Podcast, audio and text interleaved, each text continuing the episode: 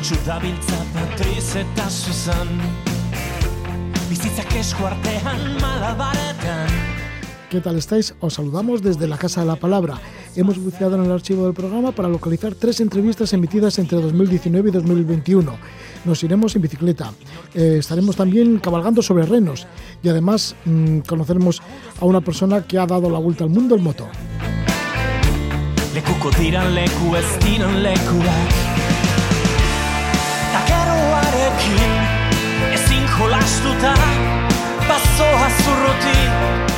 Para empezar, estamos escuchando a Sergio Fernández Tolosa.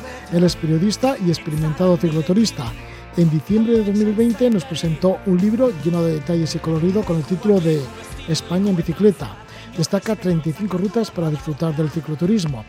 Abarca gran variedad de itinerarios, desde el Delta del Ebro o el Canal de Castilla hasta la gran ruta de los puertos elevados de los Pirineos.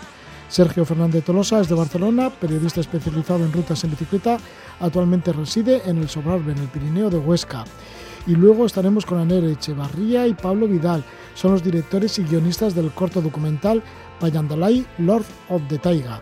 Tiene como protagonista a un sabio anciano del pueblo Duca, está en Mongolia y reflexiona sobre la vida y la muerte en uno de los bosques más extensos del planeta.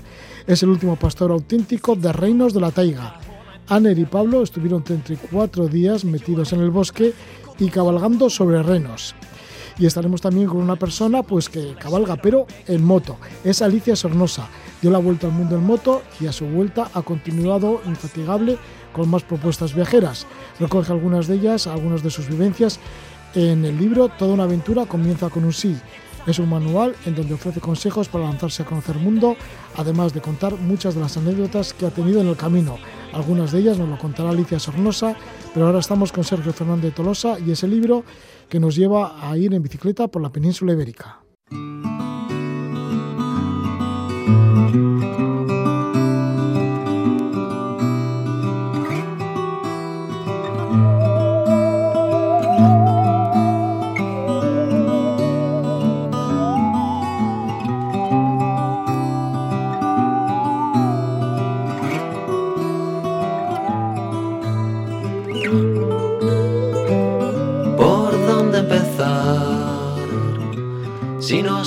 Cuál es la dirección que hay que tomar.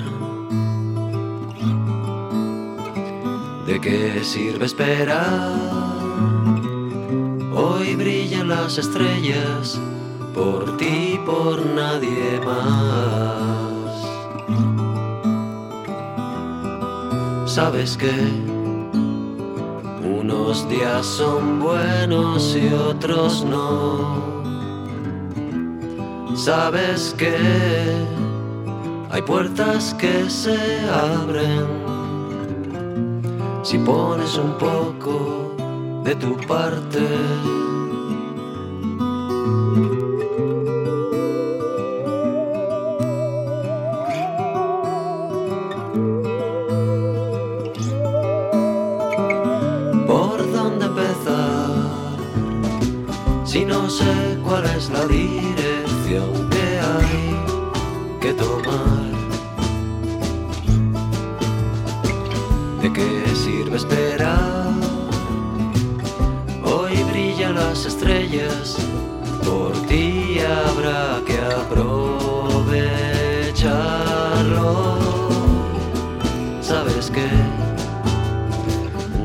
Cantante Fino Onoyarte que es el bajista de Los Enemigos.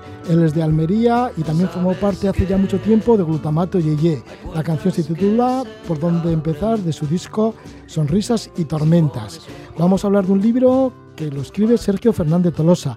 Sergio Fernández Tolosa, al que le entrevistamos hace ya bastante tiempo cuando editó un anterior libro que lleva el título de Siete desiertos con un par de ruedas, donde narraba lo vivido entre abril 2003 hasta junio 2007 por los desiertos de Australia, Atacama, Mojave, Namib, Kalahari, Gobi, Sáhara. Y ahora pues saca otro libro con rutas más cercanas. Lleva el título de España en bicicleta. Le damos la bienvenida a Sergio Fernández Tolosa, que nos escucha desde los Pirineos. Sergio, ¿qué tal estás? Buenas noches. Hola, buenas noches, Roge, ¿qué tal? ¿Qué tal? Buenas noches a todos. Bueno, pues... Aquí, eh, muy cerquita de Ainsa, viviendo muy bien, muy tranquilos. Sí, seguro que sí. Bueno, siempre que se está ahí en el Pirineo, sobre todo a la noche, qué tranquilidad. Bueno, qué gozada, es todo saludable, ¿no? Bueno, sí, sí, como decía la canción, ¿no? Lo de las estrellas es, es una maravilla, poder irte a dormir y y antes dar un paseíto con la perra y ver las estrellas relajado y bueno, ese silencio ¿no? que, se echa tanto de menos en las grandes ciudades, aquí lo tenemos, es una maravilla. Puede ser en los Pirineos, en Ainsa, que estás cerca de Ainsa, que también aparece en el libro, eh, Ainsa, pero también otros muchos lugares, ¿no? En total son 101 rutas ciclistas imprescindibles, así lleva este subtítulo de España en bicicleta. Y Sergio, bueno, pues das con detalle 35 rutas para disfrutar del cicloturismo, pero bueno, además de esas 35 rutas con detalle, todavía hay muchas más hasta llegar a 101 rutas. Algunos itinerarios son bastante llanos, asequibles, hasta otros, pero que muy exigentes, tanto encima del Pirineo como también por la zona montañosa de Asturias. Así que has querido combinar todo tipo de rutas. Pues sí, la idea era que el libro fuese útil a todo tipo de ciclistas, desde los que empiezan o de los que no han empezado todavía, los que creen que se pueden iniciar en, lo que es el cicloturismo, irse de vacaciones con la bici, pues porque ya la usan por la ciudad, en su día a día, pues para ir a la escuela, a la universidad, al trabajo y o irse por ahí de paseo, sencillamente, y, que llegan las vacaciones y dicen, pues me quiero ir también con la bicicleta por ahí, ¿no? Y yo creo que este libro al principio fue pues fue un regalo del destino, porque es el típico libro que te gustaría hacer desde que empiezas a hacer rutas en bicicleta y hacer artículos para revistas y eso, que empecé pues muy jovencito, tuve esa suerte y un día me, propusieron hacerlo. Entonces pues fue como si me tocase la lotería. De eso ya hace dos años, hemos estado trabajando mucho estos últimos dos años para, para crear una selección de rutas a nivel de todo el territorio y que fuese lo más atractiva posible para el máximo número de gente. La idea era que la pudiesen disfrutar desde los que les gustan las rutas pues muy fáciles, por vías verdes o, con bicicleta, o sea, todo tipo de bicicletas, desde los que van en mountain bike a los que van en bici de carretera, híbridas, gravel, que ahora está muy de moda, que pudiesen encontrar los recorridos de ideales para ellos, ¿no? Al principio iba a haber solo 35 rutas, que es lo que me propuso la editorial. Lo que pasa es que tenían que ser rutas inéditas, que fuesen hechas por nosotros, diseñadas por nosotros y que, las encontrase, que encontrase algo nuevo, ¿no? El, lector. Lo que pasa es que luego, pues ves que hay otras rutas que ya están, pues en el terreno desde hace muchos años, pues como pueden ser los caminos de Santiago, las vías verdes, eh, la Transándalus, una que ha salido muy recientemente, Montañas Vacías, son rutas en las que pues ya están muy establecidas, que ya hay mucha información de esas rutas en Internet o están señalizadas incluso sobre el terreno, con lo cual pues esas yo pensé que había que, que había que incluirlas en el libro, porque el libro lo merece y esas rutas merecen estar en estos libros. Pero ya lo pusimos de una manera más breve, con lo cual pasamos de las 35 principales, que son las que están explicadas pues con sus mapas, con sus tracks para GPS, sus curiosidades, el dónde dormir, el dónde comer y luego pues esos pequeños apartados donde damos la información básica para que puedas ir a encontrar más información sobre esas rutas que ya están pues, más establecidas, como el camino del Cid o no sé, o el camino del Ebro, rutas que ya pues pues que ya llevan muchos años. ¿no? Sí, es un manual muy práctico en el que aparecen, pues eso, tus rutas ideales en bicicleta. Fíjate de un largo bagaje que llevas, porque desde los años, de, desde que tenías 16 años, pues ya estás haciendo y diseñando rutas. La primera fue por el Pirineo cuando tenías esa, cuando eras tan joven, pero bueno, desde entonces hasta ahora ya se encuentran esas rutas ideales para ti, pero también antes de todo ello, antes de lanzarnos a los caminos, sí que presentas algún apartado con el tema de la bicicleta ideal, cuál sería la mejor bicicleta para hacer los recorridos y también pues el tipo de equipaje mínimo y también el máximo que se debería de llevar, cómo dormir bajo las estrellas y bueno, algunos detalles así prácticos de este manual.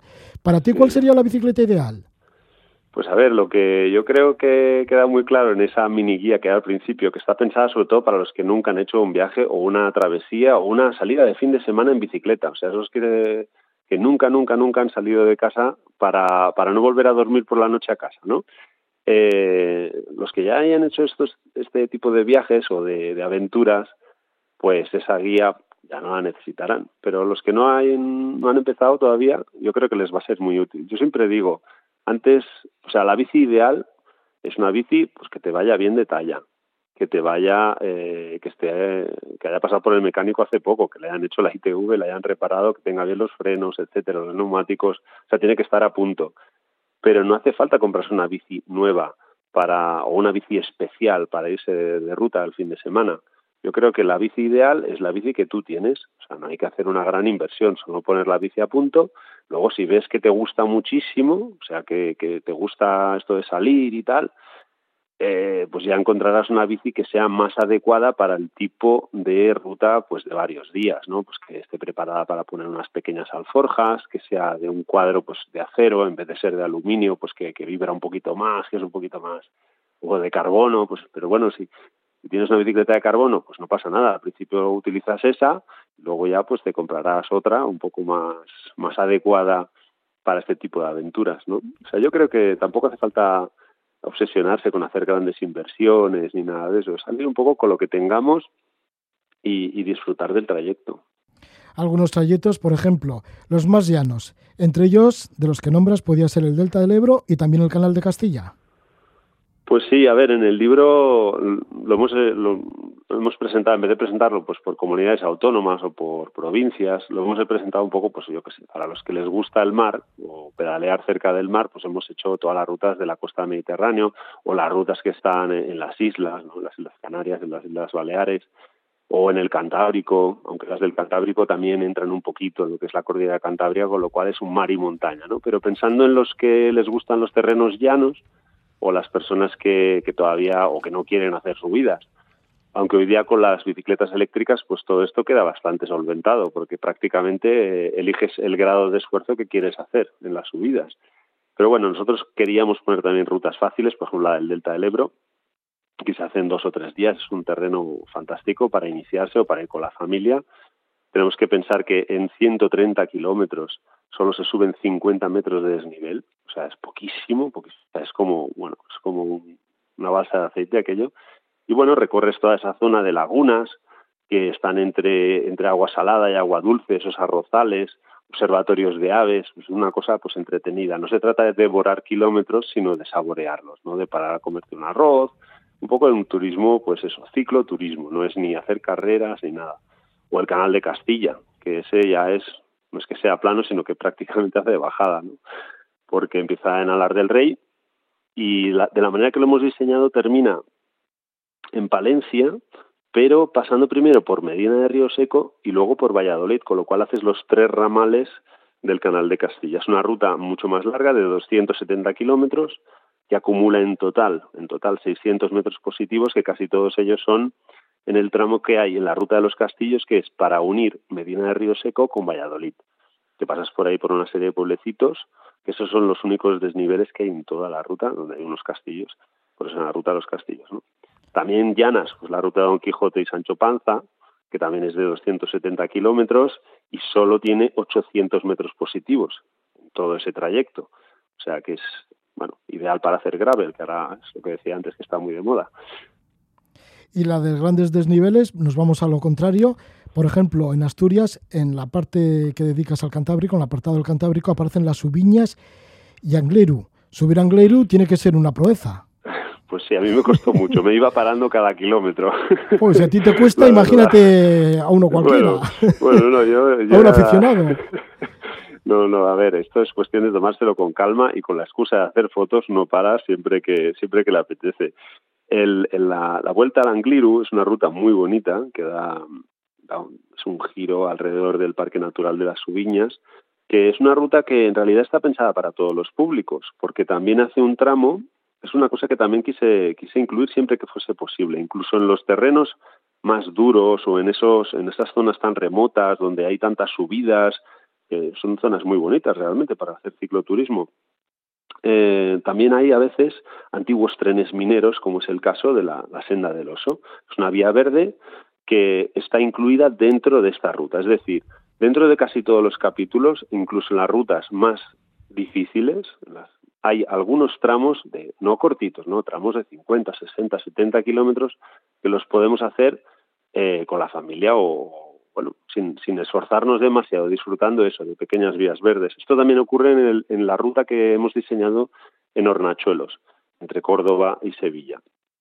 que también hay una vía, una vía verde ahí y que nos ayuda a, bueno, pues eso que la ruta completa sí que tiene desniveles, pero si hacemos esos tramos de 50, 60, 70 kilómetros que eh, incluyen vías verdes, pues lo puedes disfrutar con, mucha más calma.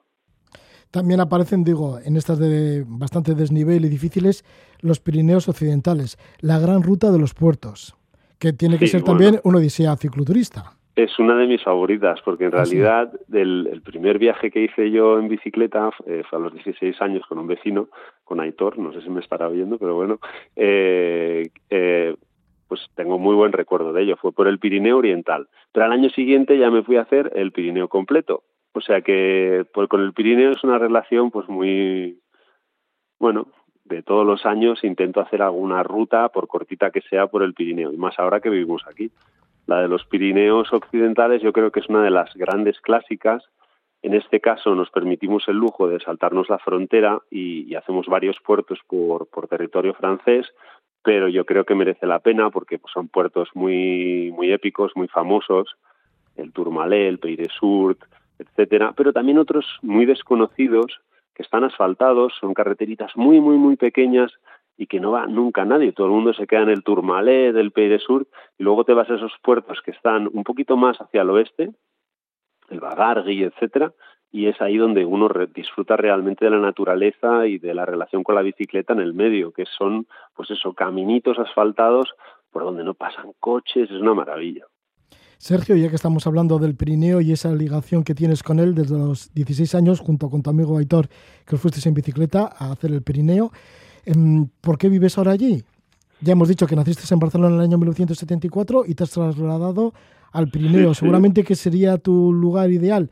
O, o también, yo qué sé, como has recorrido tanto la península ibérica en bicicleta, ¿al final encontraste un sitio que te ha llamado la atención para quedarte? Pues yo creo que sí, que ha sido una, bueno, todos son coincidencias en la vida, ¿eh? pero bueno, habíamos venido muchas veces, Amelia y yo, eh, habíamos venido muchas veces por la zona de Ainsa, eh, ya fuese haciendo travesías en bicicleta de, de varias semanas por el Pirineo o, para disfrutar del mountain bike más así, un poco más, entre comillas, eh, más difícil de la zona cero, que es un, proyecto que empezó hace ya una década y que es muy interesante porque están recuperando los antiguos caminos de herradura que unían los pueblos cuando no existían carreteras aquí en el Sobrarbe, eh, en los alrededores de Ainsa, en toda esta zona, en todo lo que es por encima de la Sierra de Arbe, es decir, el Sobrarbe, eh, había pues muchos pueblos que estaban aislados. La única manera de ir de un sitio para otro eran caminos de herradura, es decir, que solo pasaban mulos o, personas a pie. No había ni pistas, ni caminos anchos, ni nada. Entonces esos caminos se perdieron por falta de uso en las últimas décadas y ahora los están recuperando para utilizarlos en mountain bike. Entonces yo creo que fue una coincidencia. Vinimos aquí de veraneo, bueno, de fin de semana varias veces y al final dijimos, ¿por qué no nos mudamos aquí? Porque buscábamos un lugar para huir de, del cemento y del hormigón y de las de las masas de, de, Barcelona en este caso, pero bueno, de las grandes ciudades. Y, aquí lo hemos encontrado. Llevamos ya dos años y estamos encantados. De hecho, hay varias rutas del libro pues que, que pasan por aquí cerca. Es un poco como que ya lo sentimos nuestro hogar y es y es un territorio fantástico para disfrutar del cicloturismo, no solo del mountain bike, sino también del, cicloturismo más tranquilo, por estas carreteritas tan tranquilas que hay aquí. Bueno, pues ahí aparece esas carreteras, algunas de ellas en este libro, España en bicicleta, 101 rutas cicloturistas imprescindibles, que lo edita Geoplaneta, en el cual se recogen siete grandes apartados, rutas por el Mediterráneo, rutas por los Pirineos, por el Cantábrico, por la zona norte, por la zona centro, por la zona sur y también las islas. Muchísimas gracias por estar con nosotros, Sergio Fernández Tolosa, y que sigas disfrutando de esa noche pirinaica. Muchísimas gracias, así lo haremos. Hasta pronto.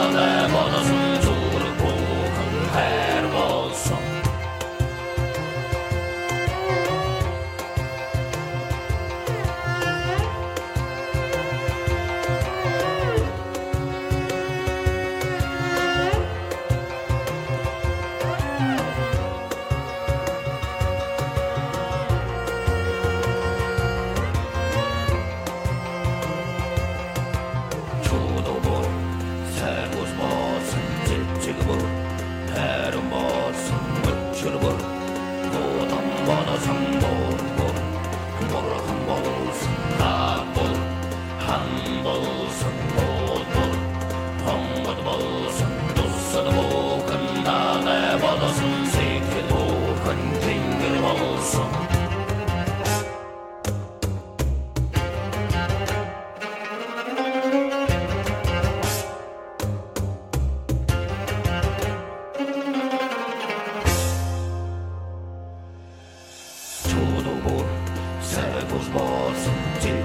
es el grupo de Mongolia, se da con el tema El rezo del samán.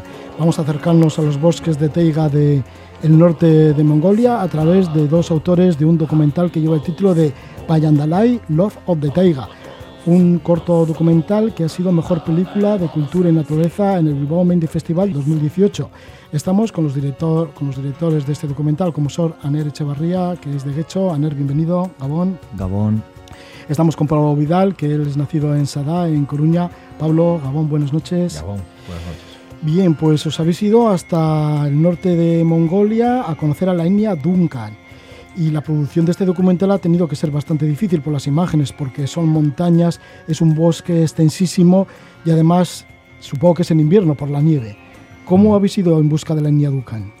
Pues, pues bueno, nos fuimos eh, a Mongolia. Bueno, hay un trabajo previo antes de, llegar allí y casi es como, como cuando sube uno a un Everest o a un Himalaya, necesita un Sherpa.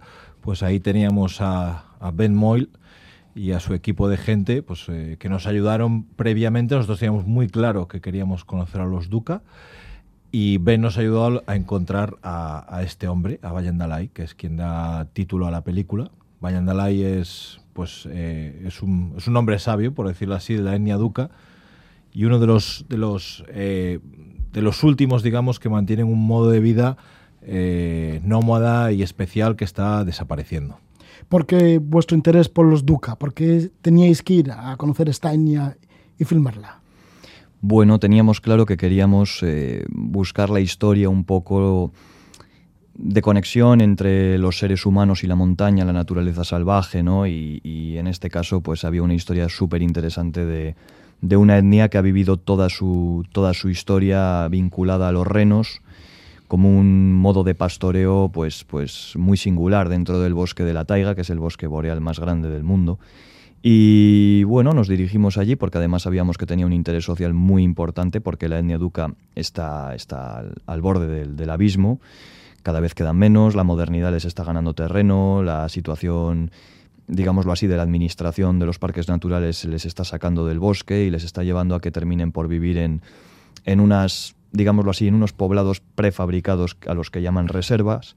Y Bayandalay al final pues cumplía lo que queríamos buscar, ¿no? que era un indígena, un líder que se ha negado a salir del bosque para seguir viviendo como vivían sus ancestros vinculado a sus renos, porque hoy en día de los Duca probablemente sea la persona que más renos tiene de toda la etnia, tiene más de 100 renos, y es lo que todavía le, le obliga y le permite tener que hacer una migración anual, que era lo que buscábamos, vivir esa migración, cosa que el resto ya prácticamente no, no hace porque se han quedado con escasos 10, 15 renos que le sirven para que los turistas puedan venir y sacarse unas fotos y, poder sacar unos, unos dólares. ¿no? Una historia entonces muy atractiva, esto de ir en busca de uno de los últimos pastores de renos, totalmente auténtico, y además participar en su inmigración. Pero ¿cómo participáis en una inmigración de un, de un nómada de renos, de un pastor de renos?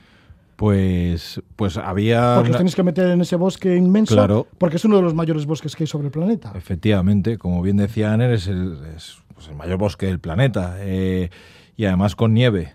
Entonces, moverse en ese entorno es muy difícil. ¿Cómo se hacía esto posible? Eh, desde que sales de Ulan Bator, eh, vas por unas carreteras perfectamente asfaltadas, en un coche normal, luego ya entras en una ruta que son los jeeps rusos, que allí son muy famosos, una especie como de, pues por, para que la gente lo reconozca, pues una furgoneta tipo combi años 70, pero totalmente de hierro, que te mete en unas carreteras mm, estilo París-Dakar eh, llegas con el cuerpo molido y luego te dicen que, tienes que proseguir ruta montado en un reno. Y, eso se hace gracias a que Vallandalay tenía cerca de unos 100 renos. Nosotros éramos un equipo de cuatro personas, más la gente que nos ayudaba, eh, más nuestro equipo técnico, porque no es como irte con una mochila. Al final llevamos cámaras, llevamos drones, llevamos trípodes, llevamos el alimento y todo el material técnico para vivir allí durante 33, 34 días, que es el tiempo más o menos que estuvimos allí, o 35. Y todo eso teníamos que portarlo. Y necesitamos un total de 20 renos. Así que éramos como una especie como de, caravana de... Bueno, una especie, ¿no? Éramos una caravana de renos eh, y nosotros mezclados con los ducas. ¿Cómo se cabalga en un reno? ¿Cómo aprendiste a cabalgar en el reno? ¿Fue fácil? Bueno, para mí sí, Yo porque que sé, al segundo día ya erais expertos. para mí sí porque porque, de reno. porque pesaba menos que Pablo, pero bueno, el reno que llevaba Pablo y bueno, que llevaba Pablo es bastante grande, hay que decirlo. sí, los renos más o menos aguantan o se supone que van ligeros con un peso de 60 kilos. Entonces, bueno, es, es- es muy interesante ver porque ellos, para ellos es un sistema de transporte de alguna manera, ¿no? No, no creo que haya mejor forma de ser capaz de moverte por el bosque y por las cordilleras de, de aquella zona que montado en un reno, porque es un animal que en situaciones de cuando el suelo está seco funciona muy bien, pero cuando está nevando también funciona muy bien, porque tiene unas pezuñas muy bien adaptadas para poder caminar en circunstancias pues muy adversas. ¿no? Eh, Como dice Pablo, aquello era una caravana del oeste. Llevábamos, solamente hay que pensar que llevábamos, ¿cuánto llevábamos? Unos 150 kilos en equipo técnico, más tiendas Sí. de campaña enormes, Sí. más eh, sacos de dormir, comida para todo el mes. Tenemos que pensar que es un documental en el cual tú te marchas y no vuelves hasta dentro de un mes. O sea, no, no vas a tener la posibilidad de ir ni a una tienda, ni a una farmacia, ni a nada para reponer cosas. Tú en el momento en el que entras en el bosque sabes que no vas a volver en un mes y que tienes que subsistir con lo que hay. Para eso teníamos a Ben Moyle, que era el, el- el fixer, que la verdad que hizo una planificación de supervivencia brutal. Mm. Eh, fue, vamos, Sí. más allá de decir que fue muy profesional, era una persona que lo había pensado todo muchísimo. Y bueno, porque los recursos son mínimos en el bosque, Sí, en el interior del claro, bosque. eh, eso es. Claro, además, como decimos, es, es pura helada y yo creo que antes Aner comentaba, eh, ellos se mueven en un espacio cada vez más delimitado por la Reserva Nacional de, que, que el gobierno de, de Mongolia ha creado, entonces ellos están limitados, no pueden cazar. Eh, realmente, además, es que con la nieve el único recurso que puedes extraer del bosque de Pinancias es todo pino, no- es decir, no hay frutos, uno- una porque es que no hay, o sea, lo que había era nieve, de lo cual sí eh, cogíamos la nieve y se, y se servía pues para sacar agua y, y poder beber agua y demás, pero realmente el bosque directamente es muy difícil sacar recursos alimenticios, no es como la selva amazónica que si vas con alguien que sabe puede sacar alimento. Entonces todo eso teníamos que llevarlo y todo eso se organizó muy bien, ¿no? La figura que en inglés se dice fixer, pues es, el que arregla y efectivamente Ben y su equipo pues te, te hacen sobrevivir, ellos y lógicamente la familia. Luego, cabal, o sea, montar en reno es relativamente fácil, mucho más fácil que un caballo. No tiene la envergadura de un caballo. Entonces, es muy cómodo y es un animal en general muy manso. Entonces, la verdad es que es muy. Es, es una manera de ver el bosque y la taiga increíble, porque los parajes son eh, un delirio. Nosotros hemos intentado que la gente se haga una idea en el cortometraje lo que hay allí, pero es cierto que es muy difícil transmitir esas sensaciones que vives, lógicamente, yendo montado tú en un reno. Es de película. Pare- Parecía una película de, de- John Huston, vaya, es que era, era espectacular. Porque que la estabais western. viviendo vosotros mismos. Efectivamente. Que encima estabais haciendo una película. Efectivamente. Y, y de repente mirabas atrás o adelante y veías un, un duca con, el, con la típica, eh, bueno, pues eh, vestimenta de, pues típica que imaginamos de Mongolia, ¿no? Pues esas grandes chamarras de, de color, coloridas y los veías montando en el reno, ¿no? En- en- la verdad es que era muy impresionante y verte tú en el medio, pues sí, la verdad es que era como estar en medio de una película, la verdad. Y detalles como cómo cargabais, yo que sé, las baterías para las cámaras, para el audio. Sí, en parte de la caravana había uno de los renos que llevaba un generador que Ah, estaba alimentado pobre- con pobre gasolina, ¿no? O sea, al final es creo que, que sería súper interesante que alguna vez porque cómo se hace la producción de un documental de este tipo, ¿no? Mm. Todos los días cargando y descargando veintipico renos. Sí, eh, poniendo en, en un lado, claro, tú tienes que cargar a los dos lados del reno la misma cantidad de peso para que el animal vaya equilibrado. Al final acabas juntando el generador por un lado, en un lado del lomo, con el dron grande por el otro lado para que vaya compensado. Y bueno, la verdad es que ver esas estampas que vimos, como por ejemplo cuando tuvimos que cruzar unos lagos helados, toda la caravana, andando por encima del agua congelada, montados en los renos, con toda la fila de equipo, y cuando miras a los lados y ves la inmensidad, porque eso es una inmensidad en la cual no hay nadie. No, crees que no hay nadie, tú no ves ninguna casa, no ves nada, ¿no? Sí que es verdad que cuando estuvimos ahí un mes metidos dentro del bosque, había veces que veíamos otras familias que venían haciendo otra migración o otro camino, ¿no? Y de repente se juntaban, tomaban algo de té contigo, se les ofrecía algo de vodka, porque ellos suelen llevar vodka en, las, en, las, en los zurrones, tal.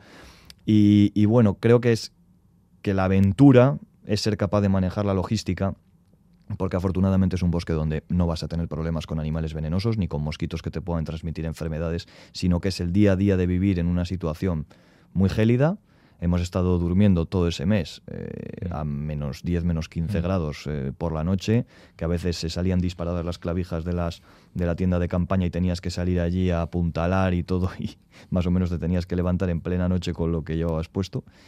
Y, y bueno, es, es, es, un poco esa aventura, ¿no? Y una inmersión cultural muy fuerte porque la situación te obliga a vivir prácticamente como ellos. En el ecosistema para ti es el mismo, tú no tienes comodidades y, y, bueno, llevábamos hasta, ¿verdad? Llevábamos una cocina desmontada con su chimenea desmontada que teníamos sí. que montar en cada punto que parábamos, pues para hervir nuestra agua y poder cocinarnos un poco de pasta o lo que fuera. No hay mosquitos, pero sí lobos. Uh -huh. En el bosque, sí. en esta taiga, en Mongolia, al norte de Mongolia, frontera con Siberia, están los lobos. Efectivamente. Es que, bueno, para que la gente entienda, ellos hacen, por eso es algo ya tan excepcional, ellos hacen estas migraciones, realmente la cultura duca vive en torno a, al reno, ¿no? Es un animal especial para ellos, es, es un animal eh, que les da recursos lácteos, es un animal que cuando muere pues aprovechan lógicamente sus pieles pues para abrigo, eh, con sus astas pues ya hoy en día fabrican incluso souvenirs, eh, pero principalmente es un animal que sirve de conexión, que es el arraigo de su cultura. Entonces, eso supone que la familia que tiene renos, digamos que tiene el compromiso con sus animales de llevarlo a las zonas de pasto. Por eso esas megamigraciones. Eh, no, el, el, el, frío y las avalanchas son un problema que está ahí, pero el mayor problema es el lobo. El lobo al final es un gran depredador, es un depredador inteligente y es un depredador que, que sabe seguir a la, a la manada. Y, y, de hecho nos sucedió que en, ese, en, ese, en esos movimientos, en una digamos de las, de las paradas, los renos estuvieron expuestos durante dos, tres días y sufrieron dos, dos, dos tres ataques. De hecho, sí. murieron dos renos y Vallandalay precisamente estaba muy apurado porque eh, quería construir un tuvimos que ayudarle a construir pues una especie de cierre de corral para meter allí los renos porque porque estaba muy preocupado no no, no y no no no como una pérdida económica sino como una pérdida de decir me, me están atacando aquí a mi a mi a mi, a mi animal, ¿no? a, mi, a mi ser especial, sí. no, no, no contabilizado como un valor económico, sino como algo como su familia, ¿no? Efectivamente, sí. ¿Vosotros temíais por los lobos? No, digo, con tanto reno, eh. con tanto alimento de reno que pueden no, tener no, los lobos. No, no, hemos tenido ningún temor por los lobos. Hemos vivido muy de primera mano la preocupación de la familia, ¿no? Claro. Y al final esto que cuenta Pablo, que, que, fue uno de los momentos igual más, más interesantes, el hecho de ver cómo dos renos habían muerto y cómo él nos dijo, ¿no? Yo no sigo rodando hasta que no, claro. hasta que no construyamos un, un corral, que ahí Pablo participó muchísimo y, y, y, bueno, o sea, estamos hablando de cómo hacer un corral para meter 100 renos. Quiere decir que tienes que empezar con el hacha a cortar árboles de una envergadura muy grande, todo muy bien medido. Ahí es donde te das cuenta ellos cómo saben exactamente qué árbol hay que cortar para sí. aprovechar la naturaleza de cada es... elemento y con el menor esfuerzo mm. posible construir un corral en el que tienes que meter 100 animales Sí, porque no hay bastante maquinaria. grandes. No hay maquinaria. Básicamente el corral, para que nos hagamos una idea, es una especie como octógono que se pone una área de tres troncos por cada, por cada lado. Entonces, para hacer un cierre lo suficientemente alto para que el animal no salga y para que no entren otros animales. Eh, bueno, realmente esos corrales están relativamente cerca de sus tipis, porque ellos viven en, en tipis. Los y... tipis que conocemos de las películas de los de los nativos, indios americanos, de los, los nativos americanos. americanos. que realmente son, son descendientes de, de, de, esta gente. Y la verdad es ves que, claro, sin maquinaria tienes que utilizar pues una lógica casi matemática estructural que es espectacular, porque no se trata de tirar árboles porque sí, porque la manera de mover el árbol es tu fuerza bruta y éramos cinco personas allí, eh, mientras que parte del equipo estaba trabajando, eh, rodando, eh, nos quedamos pues Vallandalay, precisamente Ben, dos eh, Ducamas y, y, yo, y moviendo troncos como de 8 o 10 metros de altura. Era, entonces, claro, había, había que derribar los troncos de tal manera que el movimiento físico que lo tuvimos que hacer no fuera demasiado, eh, demasiado bestia. Claro, mover un tronco 4 o 5 metros, eh, yo la verdad no lo había hecho en mi vida y aquello fue como, como ir a un gimnasio y sí, sí. una intensidad total, vaya.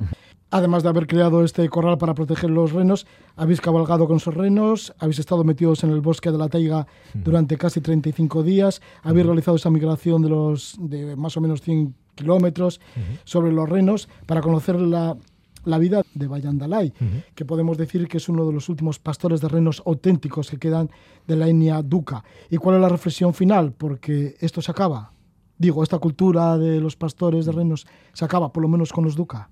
Bueno, es, yo creo que es un ejemplo de, algo que está pasando a nivel global y es que la modernidad está, está arrasando con, con parte de lo que es el, el último ADN original del ser humano que queda por, por diferentes puntos del planeta, ¿no? Eh, en zonas de la Amazonía, en zonas muy aisladas de Asia, África. Por cierto, que habéis estado también en la Amazonía no hace mucho. O sea que fíjate que contraste entre el bosque de la taiga y, la vegetación de la Amazonía. Sí, pero, pero como bien dice, pero hay cosas en común.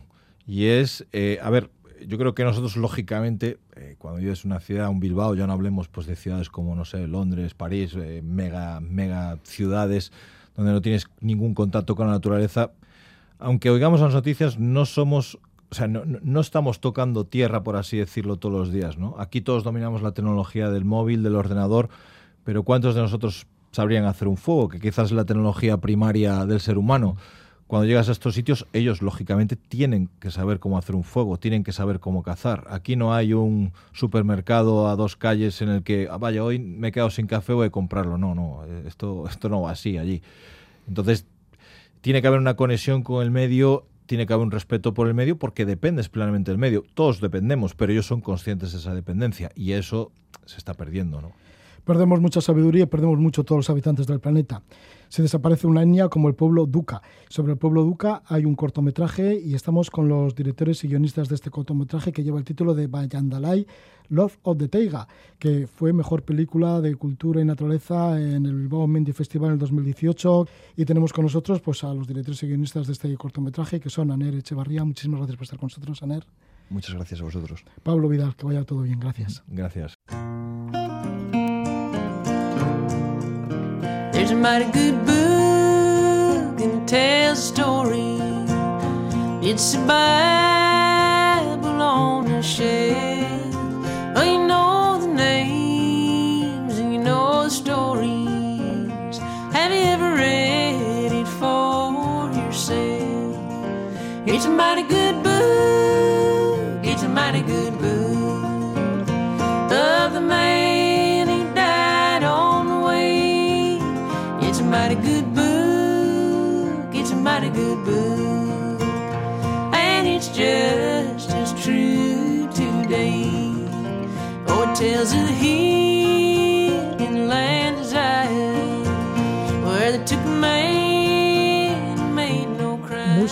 Los Apalaches. La hace Gillian Welch.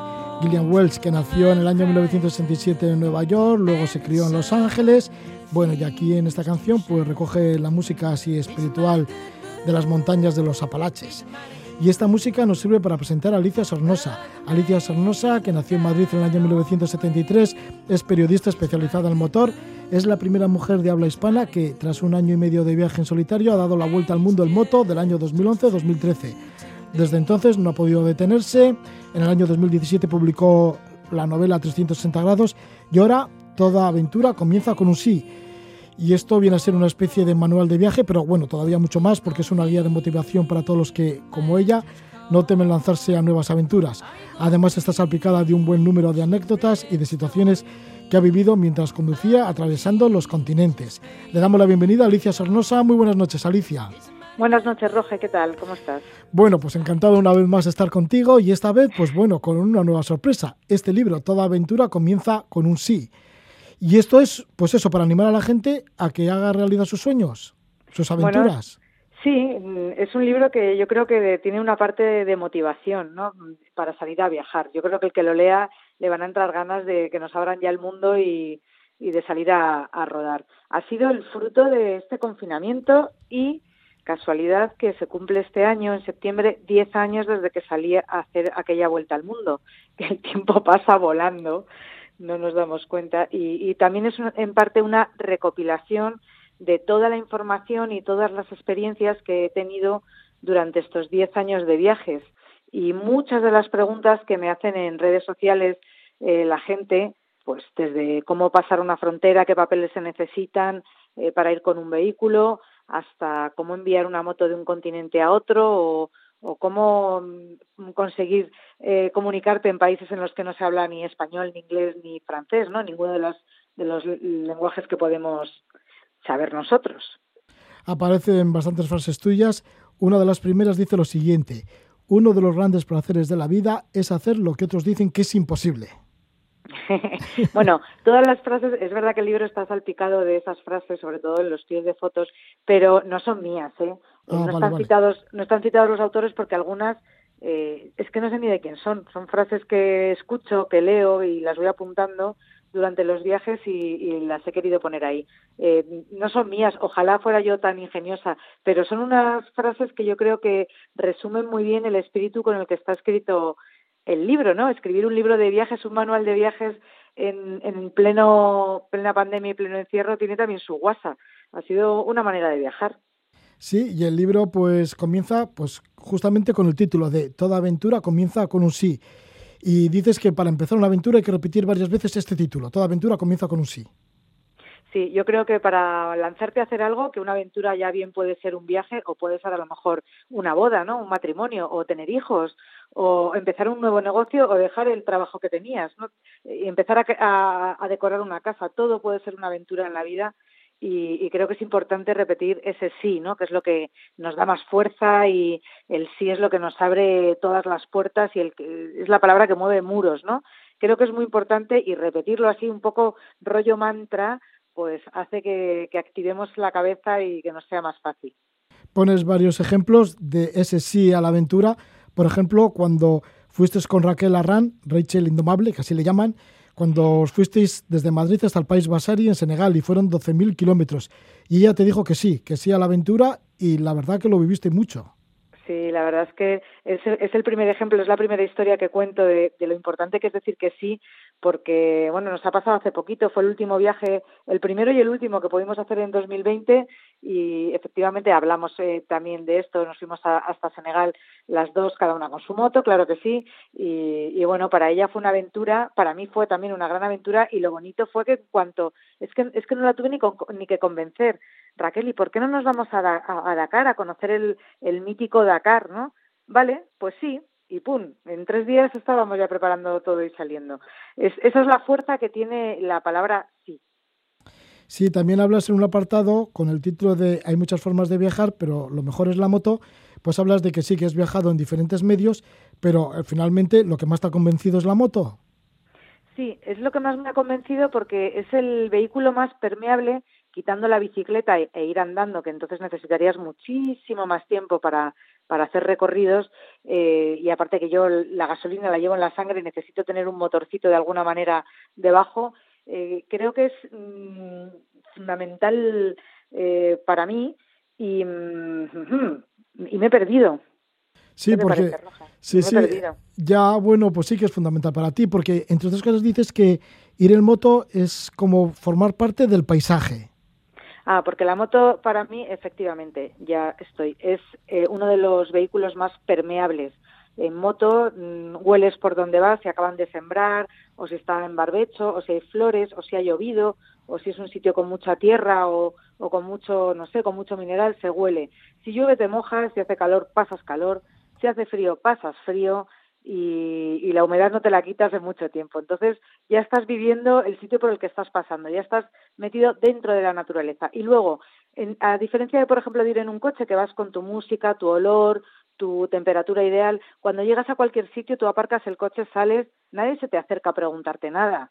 Ya tienes que ir en un coche muy estrambótico para que la gente se acerque y, te hable por la ventanilla. Y sin embargo, en la moto todo el mundo se acerca enseguida y, la, la, separación que tienes con los demás es una visera muy finita. Enseguida la levantas y ya estás en contacto con la gente, eh, tanto físico como para poder charlar y, la moto empieza a, provocar esa curiosidad y te empiezan a preguntar que cuánto corre, que a dónde, que dónde vas, que a dónde vienes, que cuánto cuesta, que si es gasolina, si es diésel, y ya estás ahí en el ajo, ya estás eh, metido en esa sociedad.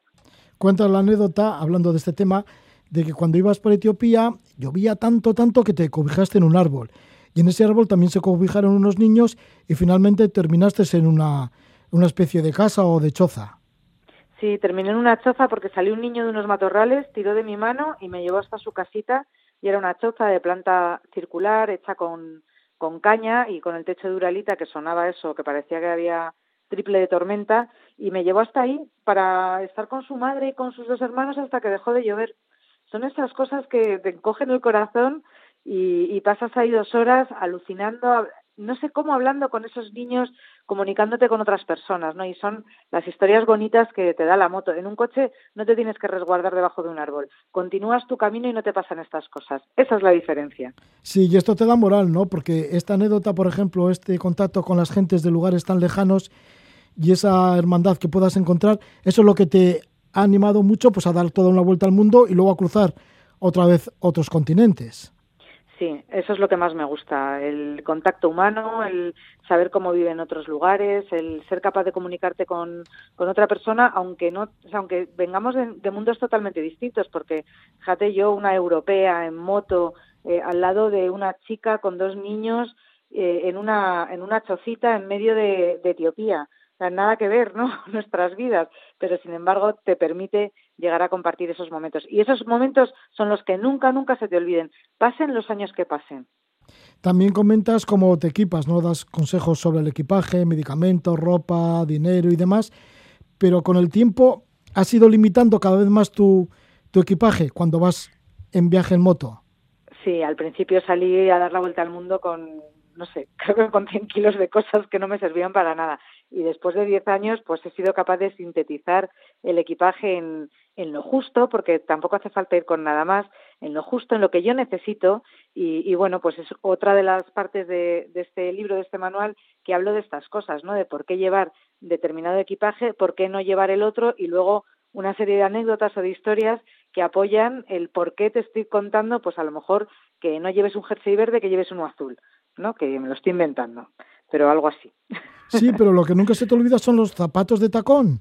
Ah, es que siempre llevo unas sandalias con un poco de tacón, porque es que me han pasado, me pasó durante la vuelta al mundo que tuve que espabilar y comprarme unas sandalias así un poco monas, en, me acuerdo que fue en Nairobi donde las compré en un centro comercial, porque es que de repente, claro, tanto tiempo viajando por ahí y la gente te empieza a conocer o simplemente te cruzas con personas como me ha pasado, por ejemplo, en, en Chile en una playa muy hippie, muy abandonada, con la mujer del que era el eh, ah, lo diré, eh, el que era embajador allí en Chile en ese momento, y entonces me invitó a una comida en la embajada, y yo decía, pero menos mal que llevo mis sandalias así un poco monas, porque aunque sea con un vaquero y una camiseta, me pongo un pañuelito y voy un poco arreglada, ¿no? A una embajada, a una comida que no era nada formal ni de gala, pero bueno, eh, hay que ir un poco mejor arreglado que cuando se baja uno de la moto. Y eso es para lo que lo utilizo. Es un truquillo femenino que tengo por ahí. Sí. Bueno, y también se te han roto muchos estereotipos, ¿no? Porque comentas también en una sección sobre tema de robos que en donde te han robado justamente han sido en países ricos como Australia y Estados Unidos. Bueno, eh, Australia, Estados Unidos y España. eh, eh, hace, hace una semana me robaron la chaqueta de la moto que tenía colgada en una silla de esas altas eh, contra la barra de un bar. O sea que eh, sí, nunca me ha pasado nada en África ni, ni me ha ocurrido en Asia.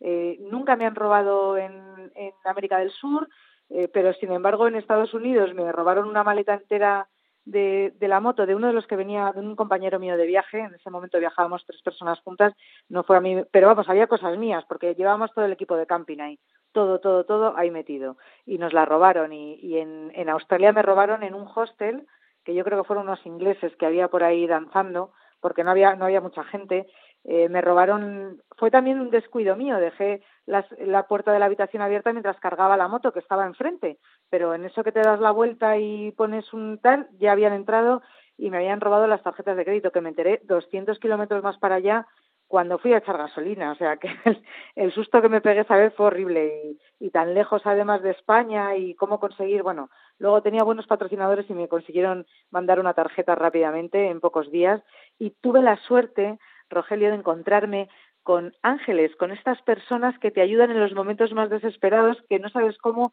aparecen por ahí. Y dos días antes me habían dejado en la moto, en un camping, una nota. Eh, Hola, somos una pareja de motociclistas. Eh, si, eh, estamos haciendo esta ruta, vivimos aquí. Si necesitas algo, por favor, llámanos. Y, y te aseguro que les llamé, porque no tenía dinero ni para cenar. Bueno, pues hay un montón de anécdotas en este libro de Alicia Sornosa. El libro se titula Toda aventura comienza con un sí y además muchos trucos para el camino, para el que se quiera lanzar a conocer mundo, sobre todo y especialmente como lo hace Alicia en una moto. Además, pues muchas veces en solitario, como cuando diste la vuelta al mundo entre los años 2011 y 2013. El libro Toda aventura comienza con un sí lo edita Anaya Turing. Muchísimas gracias, Alicia, por estar una vez más con nosotros. Roge, ha sido un gustazo estar en tu casa de nuevo. Un abrazo. Buenas noches.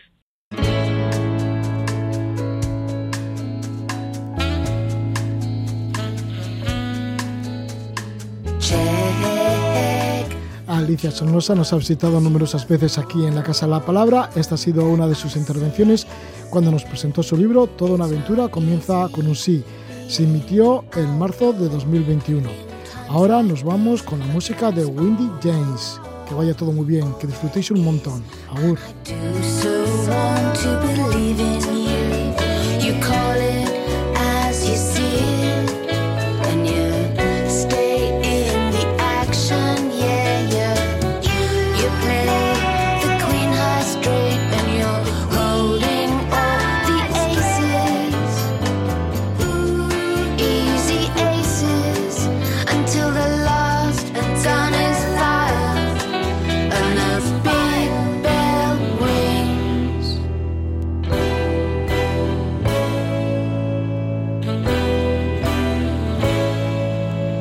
It's too